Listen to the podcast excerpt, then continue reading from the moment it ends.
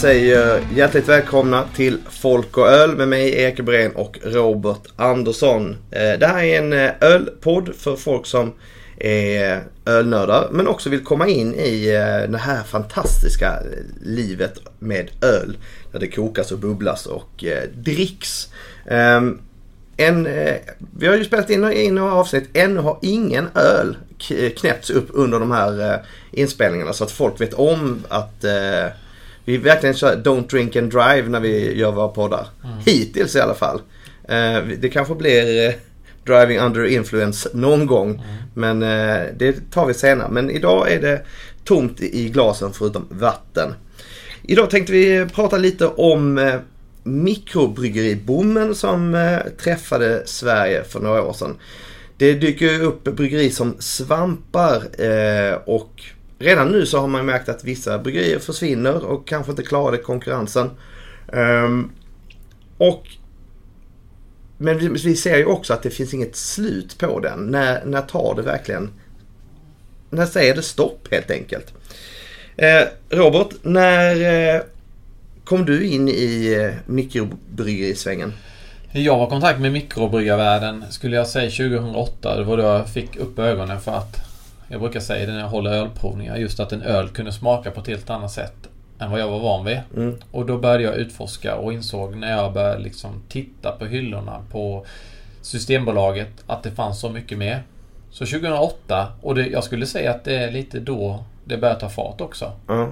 Vilka svenska bryggerier eh, såg du då på hyllorna?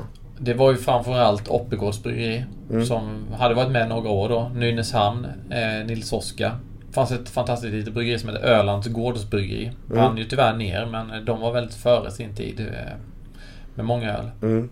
Både Nils Oskar och Oppegård så känner man ju är liksom, det är ju storbolag idag. Mm. Det känns kanske inte så mycket mikro över det.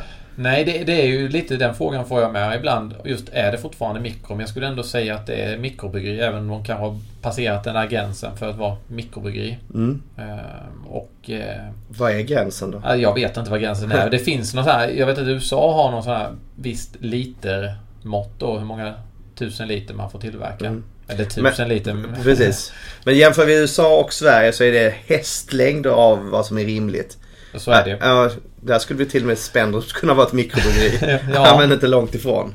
Så är det ju. Men jag brukar säga ändå att ett mikrobryggeri är på något sätt ett bryggeri som ändå värnar om det är inte industri på det sättet ändå. Oppigårds är ju fortfarande ett stort bryggeri. Men mm. som du säger, de är ju hästlängd ifrån att vara ett bryggeri i eh, klass med Spendrups eller Åbo. Ja. Alltså mängdmässigt. Men också kanske reklammässigt också. Mm. Alltså man ser ju inte dem flasha en, en stor festival eller liksom något stort fotbollsevenemang. Det kanske inte finns de pengarna till att hålla på med sånt. Du tänker på Oppigårds då? Ja, precis. Nej, precis. Så är det ju lite. Samtidigt så tror jag det är intressant med de här småbryggerierna då, om man tar Oppegårds och Nynäshamn och de som ändå är stora i branschen. Att de är och nosar lite. De blir större och större och mm. växer. Trots att de inte lägger miljoner i reklam varje år. Som de här storbryggerierna. Nej. Men så har du själv dragit igång ett mikrobryggeri. Mm. Jag drog igång ett bryggeri för fem år sedan. Ja. Och eh, jag brukar säga det när vi, när vi hade varit ute i två år och turnerat lite på festivaler och sånt. Så sa jag att vi, att vi har hållit på länge i branschen. Mm. Och det är ju, menade jag då på att det har kommit så många efter oss. Jag vet inte hur ökningen ser ut men jag tror det kan vara ett 150 bryggeri kanske något sånt. Eh, när vi drog igång 150-200 och idag är vi liksom uppe i 350. Ja. Så ökningen är ju lavinartad. Som du beskrev med svampar. Det, är, det finns snart har alla städer nästan ett mikrobryggeri. Mm. Men vad var det som gjorde att eh, du kände att eh, bryggeriet måste komma igång? Eh, jag var väldigt intresserad av öl då. Och bryggde en del hemma och sen fick jag frågan om jag vill haka på och starta ett mikrobryggeri. Och jag kände att det var en chans att eh, få testa den grejen. Mm. Att driva ett bryggeri. Och det har varit otroligt spännande och kul att vara med på den resan. Därför man har fått vara med både inifrån och utifrån då och sett eh, branschen växa fram. Hur bra var er öl när ni drog igång? Eh, den var inte speciellt bra första gången. Nej. Nej men det var faktiskt så. Det, det, det tog ett tag innan vi Alltså det, det tar alltid lång tid innan man blir bättre och så tror jag alla bryggerier har varit just i uppstarten där man, det tar lite tid innan man har full koll på grejerna. Mm. För det är ett eh, bra... Eh, det är en bra skola man måste gå för att eh, förstå allting. Det är inte bara liksom in i, in i köket och dra igång en kastrull. Nej det är det ju inte. Det är ju där man börjar någonstans och det är det som är kul därför många tänker sig att man kan brygga öl också men det är ganska Det finns väldigt många duktiga hembryggare i Sverige men det är ett väldigt långt steg också till att driva ett företag. Helt plötsligt ska man inte bara brygga bra öl, man ska göra så mycket annat. Ja och eh, även volymerna ändras och recepten kan ju ändras på grund av volymen. Så är det ju. Helt plötsligt får du skala om allting eh, från den där 10 liters hemma till kanske en 200 eh, liters då som vi hade. Eller 4 eller 500 liter. Mm. Så, så det är inte så enkelt. Vad brukar vara den, den produkt som man måste mest ändra på när man går från ett litet köksbryggeri till en, en större verksamhet? Man får ju titta framförallt vad man får för utbyte i den nya eh, när du, när du mäskar in och eh, malten då. Mm. Vad du får för utbyte när du värmer och, och sådana saker. Så eh, det är just sådana grejer man får titta på så man får hamna på rätt nivå. Ja. Skulle du säga det att malten är den Ja men jag tror tuffaste? det. Ja, jag tror det är det tuffaste. Nu är inte jag, jag ska inte sitta här och jag, är ingen, jag har inte varit bryggare under de här åren när jag har varit i bryggeriet. Utan jag är ju hembryggare. Ja. Sen är jag lite produktutvecklare kan man säga. Jag gör lite small batches. Eh, min roll har varit lite annorlunda i bryggeriet. Okej. Okay. Eh, men... Eh, ja, nej men det, du, det, Men du har stått för smaklökarna? Jag har stått mycket för smaklökarna. Mm. Jag har utvecklat mina smaklökar väldigt mycket de senaste åren. Mm. Genom att dricka mycket öl. Ja. Mm. I små doser. I väldigt små doser. Men när, när, kände du liksom att det var så här, oj, nu, nu börjar det bli svårt här. För det, det, har ju gått snack att det var svårt för mikrobryggerierna i Sverige ett tag när de inte riktigt kom in på systemet, visste inte riktigt hur man skulle mm. röra sig. Hur, hur ser du på det? När, om vi börjar med liksom, när någonstans när, började det lösas upp? När vi, när, vi, när vi startade så bestämde vi oss för att vi ska bara sälja på fat. Mm. Vi ska inte sälja på eh, flaska. Och det insåg vi ganska direkt att så kan vi inte göra. Okay. Vi måste sälja på flaska med det för vi kommer inte in på några krogar med bara fat. Eh, så när vi väl hade börjat lansera på flaska så märkte vi att helt plötsligt sålde vi volymer. Men också så insåg vi att eh, vi måste sälja ännu större volymer. Och vi måste, vi hade inte valt att eh, sälja via Systembolaget därför vi tänkte att det blir kanske övermäktigt för oss. Mm när vi väl kom in på Systembolaget, eller Systembolaget funkar ju så, det är många som säger det när vi är ute på provningar och sånt, att eh, det är svårt att komma in på Systembolaget, men det är inte svårt att komma in på Systembolaget. De har en eh, skyldighet att släppa in dig på Systembolaget om du har en produkt som är okej. Okay. Okej okay är då att du ligger inom deras parametrar, eller man ska säga att du uppfyller kraven för den, att det är en bra produkt. Inte bra i det avseendet att de tycker den är god, utan att den är ren och frisk liksom. Eh, så de har en skyldighet gentemot dig så det är egentligen inte svårt att sälja via Systembolaget. Utan eh, de måste göra det. Mm. Men, eh, nej, men jag kände nog, vi kände nog för något år sedan, eller ett par år sedan ungefär där någonstans att det började bli trögt svårare. Och jag tror det har mycket med att utbudet har blivit så stort. Det har kommit så mycket andra bryggerier. Och många håller en bra nivå idag. Ni är ju stora, man säger så här, inom Kronoberg är mm. ju ert område. Är det där ni märker konkurrensen eller är det överlag i hela Sverige? Jag skulle nog säga att det är framförallt eh, Kronoberg. Det är ju den där vi har varit, alltså hållit oss som mest. Sen har vi varit nere lite i Malmö, lite i Göteborg, lite i storstäderna och så på lite småorter. Men framförallt så är det ju eh, lokalt. Mm. Som det blir. Därför nu är det ju en fyra, fem bryggerier som står på hyllan som är lokala. Mm.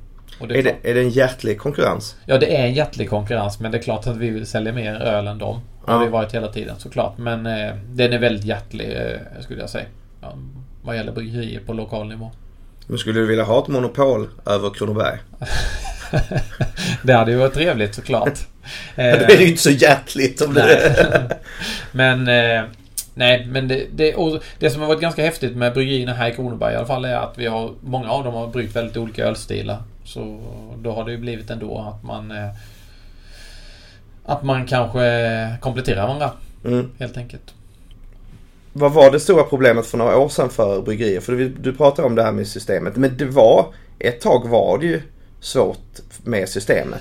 Jag har kan jag inte sätta precis det på pränt men jag har hört om bryggerier som helt skippade systemet. Speciellt då från, från Skåne. Som satsade på den danska marknaden. För det var lättare att få ut sina grejer i Danmark än i Sverige. Det, det, det är ju, jag ska inte säga att det är enkelt men de har en skyldighet som sagt var men du ska fortfarande fylla i massa papper och din öl lanseras kanske först om 3-4 månader. Mm. Så det är framförhållning som heter duga. Och eh, det var nog så för några år sedan som du säger. Innan de släppte det här TSL som tillfälligt sortiment, lokalt sortiment heter det. Då var det svårare innan mm. dess att få in sin öl på Systembolaget. Och det kanske var så att för systemets bästa att, det, att de öppnade upp det. Mm. Jag, tror, jag tror det var eh, viktigt därför de såg ju också vilken stor efterfrågan det var på lokala produkter så det var liksom ingen... Eh, de var tvungna att göra något för mm. alla de lokala bryggerierna. Nu är det ju en del eh, bryggerier som börjar falla bort. Som startade upp ganska högt och satsar jättemycket på att bli störst och så i, i sina kretsar och områden och så. Och börjar falla. Vad, är, vad tror du att det är den största orsaken till att folk lägger ner sitt bryggeri? Jag skulle definitivt säga att det är lönsamheten. Mm. Att man inser att man kan inte hålla på med något bara för att det är kul. Utan man måste tjäna pengar lite på det med. Man måste få lite tillbaka. Det mm. går liksom inte bara ha det som en hobby i flera år. Eh, och där måste du upp i lite volymer för att du får, ska få det att gå runt helt mm. enkelt. Så det är den största problemet. Mm. Skulle jag säga. Men jag tänker när du säger att du och eh, flera andra bryggerier här i, Kronoberg har en hjärtlig konkurrens och så. Varför går man inte ihop sig och startar ett större? Alltså så man liksom armbågar sig inåt. Det är en väldigt intressant tanke och jag tror vi kommer få se det mer och mer. Eh, hoppas mer på att vi får se det än att det kommer ju också bli som så. Det kommer vi få se i Mikrobyggar-Sverige. Det var en tidsfråga. Det var en som slängde ut det på ett forum på Facebook för ett tag sedan. När kommer det första mikrobygget i Sverige bli uppköpt av en större aktör? Mm. Typ Spendrup Sober och så. Och då satt folk lite och skrev vad de trodde. Mm. Det var ganska intressant att följa.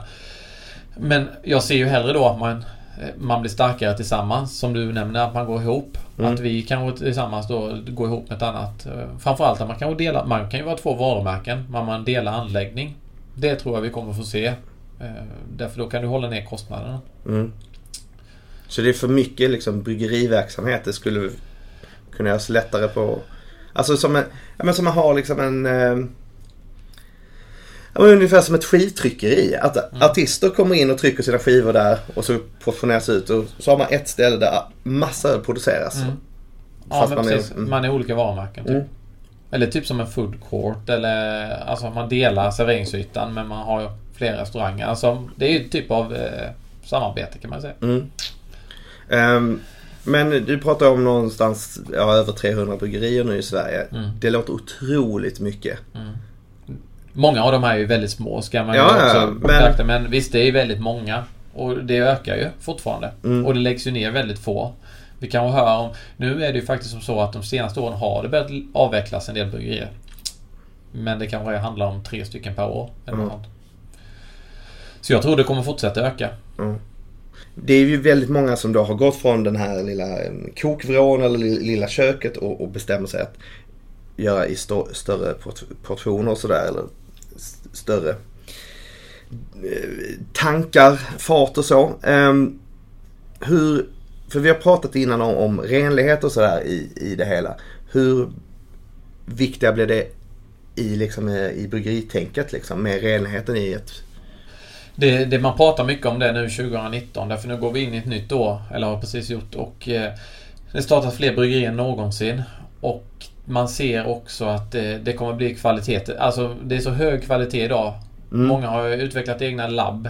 Det har startat labbtjänster. Det är väldigt viktigt att du har en högkvalitativ produkt.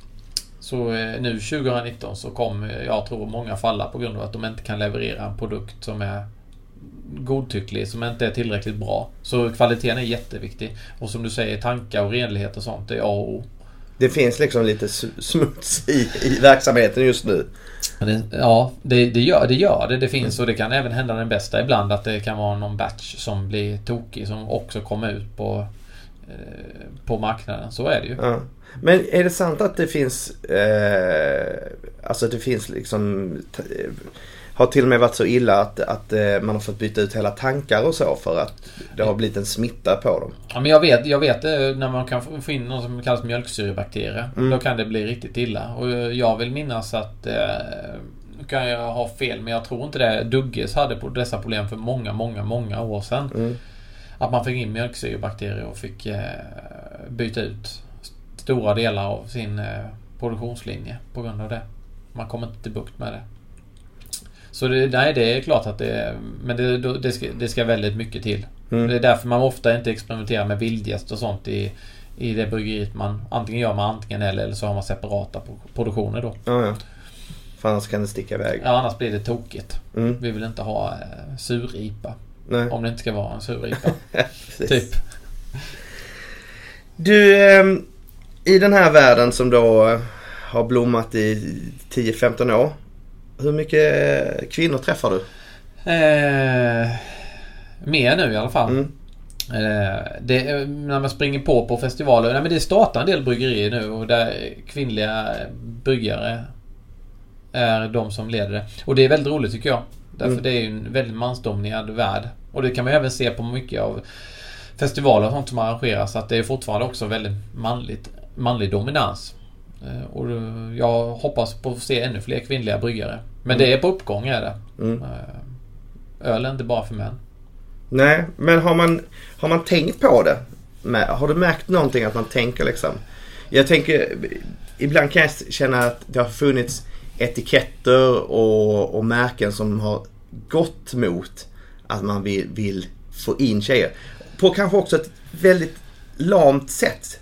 Jag tycker inte när, när någon har... Det har ju dykt upp öl som he- heter mer eller mindre tjejöl. Mm. Och det känns så himla himla märkligt i den här världen. Men jag förstår vad du menar. Det är därför vi hade haft under många år ett öl smaksatt med hallon. Och Mm. det har varit väldigt sådär... Ja, jag tänker inte dricka det där tjejölet, säger många män. Mm. Eller Kom här, säger de när de står på en festival. Här finns ett öl för dig också. Bara för det hallon är. Precis Ja, som att det skulle vara kvinnligt. Jag ser det mer som ett öl. Jag har aldrig gillat ordet tjejöl. Utan jag gillar att, det, att framhålla det som ett öl för personer som kanske inte gillar öl. Mm. Utan därför då smakar det något annat. Men eh, det, jag vet att det finns lite organisationer och sånt som främjar väldigt mycket för att fler kvinnor ska satsa på ölbryggning. Ja. Det finns, jag tror det är inom kort nu så arrangeras det en dag då det är bara kvinnliga bryggare runt om i hela världen som brygger öl just en dag. Mm. Här i Sverige samlas eh, många kända svenska kvinnliga ölprofiler då för att brygga ett öl tillsammans. Ja. Jag har en eh, kompis. Hon eh, fick uppgiften att eh, göra etiketten på ett öl i Stockholm, tror jag det var. Och när de då pitchade till henne liksom, hur de tänkte. Mm. Så sa de, vi vill göra ett tjej-ale till. Så här. Och då var hon så här, ja fast det kommer jag aldrig göra en etikett till. Alltså antingen så gör vi en öl som riktas åt, åt båda håll. Det kan ha en kvinnlig touch på etiketten. Men det får inte stå liksom tjej-ale. Och det var lite så här, ja. De kompromissade till slut och eh, kom, nu kommer jag inte ihåg vad det, vad det blev liksom. Men ehm, den här eh, designern hon är eh, känd för ett seriealbum som handlar om, två, eh, om tre kvinnor i Stockholmsområdet. Så att eh, det var väl lite att de skulle gå mot den men liksom lansera. Men eh, Det är intressant, man säger tjejöl därför man pratar ju aldrig om mansöl. Nej. Det har jag nog aldrig hört någon säga. nej, nej, nej, Nej. Verkligen inte. Intressant. Men det blev en etikett av det eller? Eh, ja, Ja, det blev det absolut. Och öl, ölen kom ut. Ehm, men utan det där liksom eh, förtecknet att det skulle vara gå mot tjejer. Jag har druckit ölen Ja. och eh, jag kan inte säga att det var mer manligt än kvinnligt. Nej. Det var faktiskt en, en helt okej öl. Ja. Trevligt. Ja, Nej men det är kul och det behövs ju eh, få den här branschen ännu mer jämställd Mm. också. Tycker jag. precis. Och jag tror väl kanske det, då kommer vi in lite på det här att med kvinnor så kanske det dyker upp mer tankar om hur man vill att det ska smaka. Så alla har sina olika refer- preferenser. Så.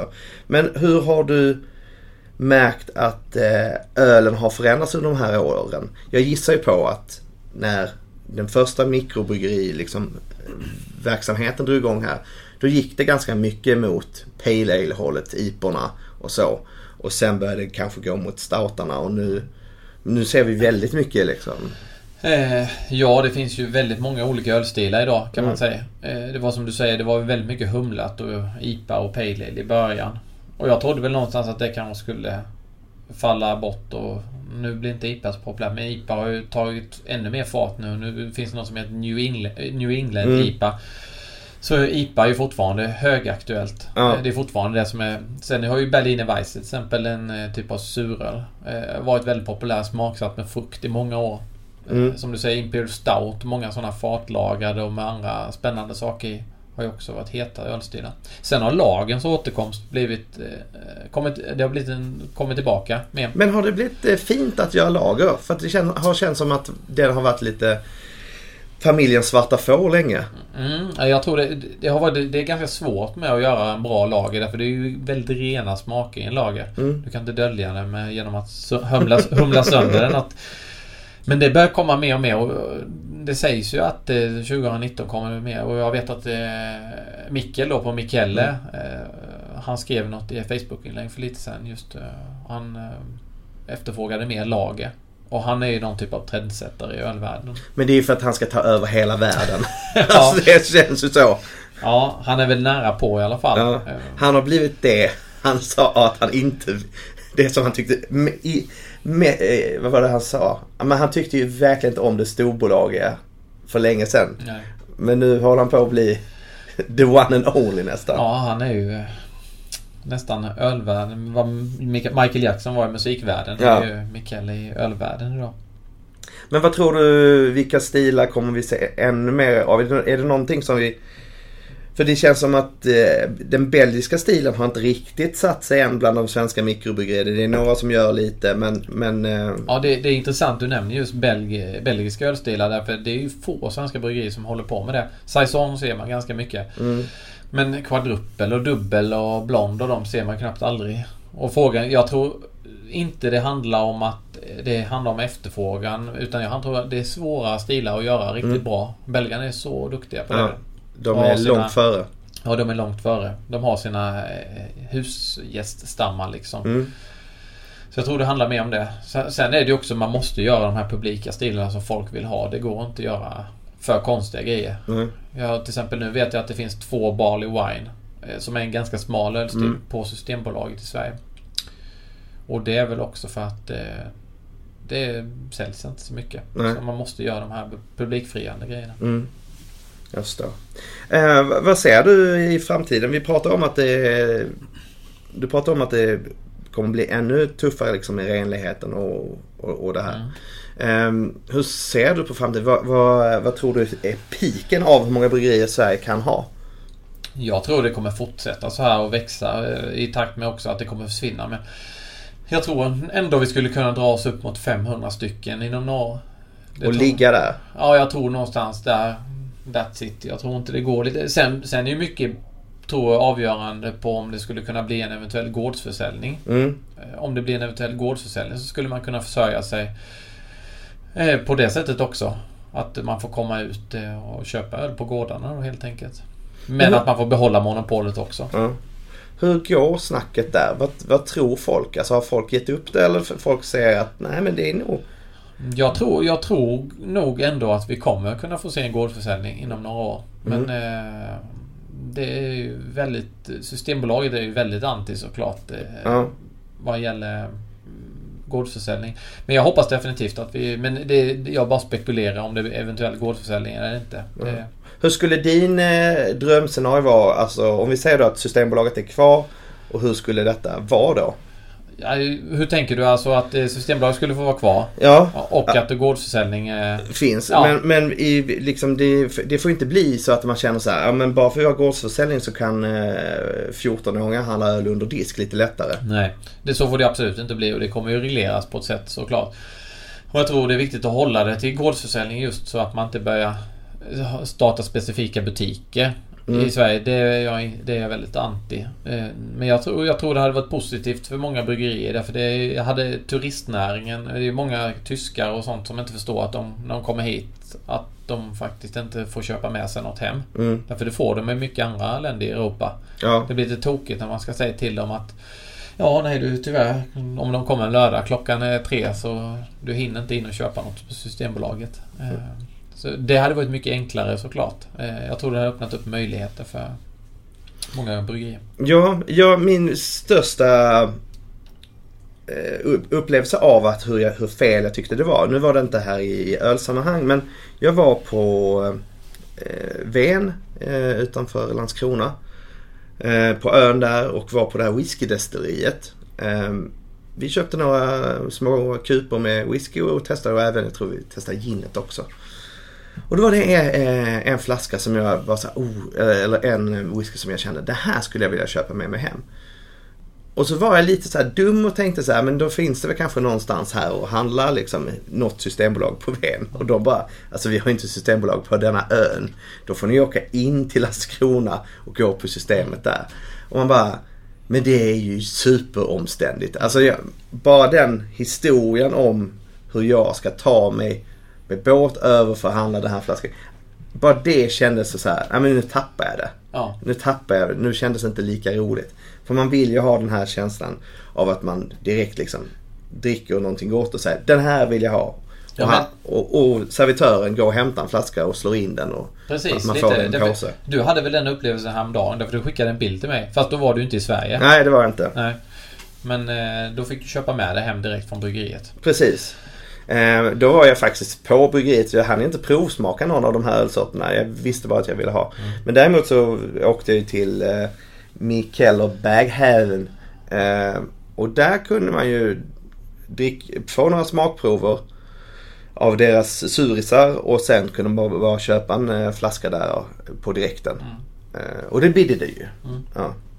ja, det är väldigt trevligt. Jag har ju upplevt det i många andra länder som jag varit i. Ja. Att man just kan köpa med sig en eller flera flaskor hem. Mm.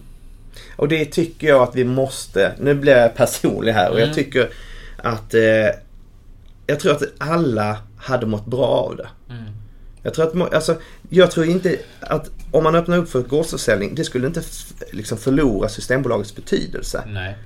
Utan det skulle bara ge, och det skulle ju kunna vara också att de som utför gårdsförsäljning måste gå någon kurs av Systembolaget, få det ansvaret som Systembolaget har idag. Mm. Eh, och man kanske också ska ha en tidsbegränsning att under de här provningarna fram till 18.00 får man köpa. Mm. Därefter får man inte. Nej, Nej men det, det, absolut, det ska absolut regleras om det blir så att det blir aktuellt med gårdsförsäljning. Mm. Det tycker jag definitivt också. Därför det är viktigt att det sköts ordentligt. Samtidigt tror jag inte det kommer äventyra folkhälsan. Att det kommer vara personer som Åh, vad jag blir sugen på öl. Men jag åker ut till bryggeriet som ligger tre mil ut i skogen och köper ett par. Därför de kommer ju förmodligen också hålla mycket högre pris. Ja, precis. Det kommer inte vara de personerna som står vid tio tiden på den här gården. Kan ni öppna? Jag ska bara ha lite... Vad är det billigaste? Nej, det kommer vi inte få se för bryggerierna. Nej, det, Nej, det kan jag inte tänka mig.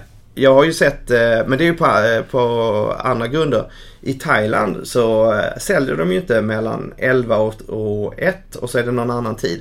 Så då på så här små butiker, då låser man ju ölkylarna. Så att du kan verkligen inte handla. Sen är det liksom dygnet runt annars. Men just de här tiderna så låser man. Då, det skulle kunna funka här också. Ja, visst. Ja. Ha lite slottider så. Precis. Ja. Du, framför dig har du ju två böcker som ligger där. Mm. Ehm, jag gissar på att du har tagit fram dem för att vi skulle prata om Eh, den, en, en, nästan en svunnen tid känns det som. Ja. Eh, när eh, det blev, eh, när mikrobryggerierna dök, dök upp. Då kunde man göra små, små böcker, lite pocketaktiga böcker. Mm. Idag hade det varit mer Svenska Akademins ordlista om man skulle få plats med alla bryggerier. Ja, det går, det går inte att göra böcker idag med eh, svenska mikrobryggerier. Därför den hade ju varit inaktuell i, i nästa vecka. Typ. Ja. Eh, så det, men jag tycker ändå det, det finns någon charm, något roligt med det här liksom den här då eh, Sver, Sveriges ölbryggerier. Ja. En pocketbok. Jag tror fortfarande, fortfarande den har säljts faktiskt. Absolut, vad härligt. Men ja. det finns en Sverigekarta där. Ja, och eh, det är ganska kul. Det finns 38 representerade bryggerier. Mm. Det är ganska schysst att Skåne har en enda punkt på den kartan. Vem, vad, vad representerar det? Det är nere i Trelleborg, Ystad där va? Ja, vi ska se. Nummer 33 har vi där och det är då två bryggare. Jaha. Och det är ju eh, Ystad vill jag minnas. Eh, som är representant. Det fanns alltså bara ett bryggeri 2008 i eh, Skåne. helt, I Blekinge har vi inget och inte i Småland heller. Nej. Men äh. ja. Men två bryggerier. Jag är, jag är dålig på det, det bryggeriet. Finns det idag? Jag... Jo, men de, de, finns i någon form. Det fin, har du varit i Ystad? Ja. Mm, de, det finns ju en gammal, det ser ut som ett gästgiveri där. De har ju liksom ett bryggeri som man eh, eh kan gå in på där okay. och se, se själva bryggeriet. Det ligger i en gammal här rustik eh, trä... Trä...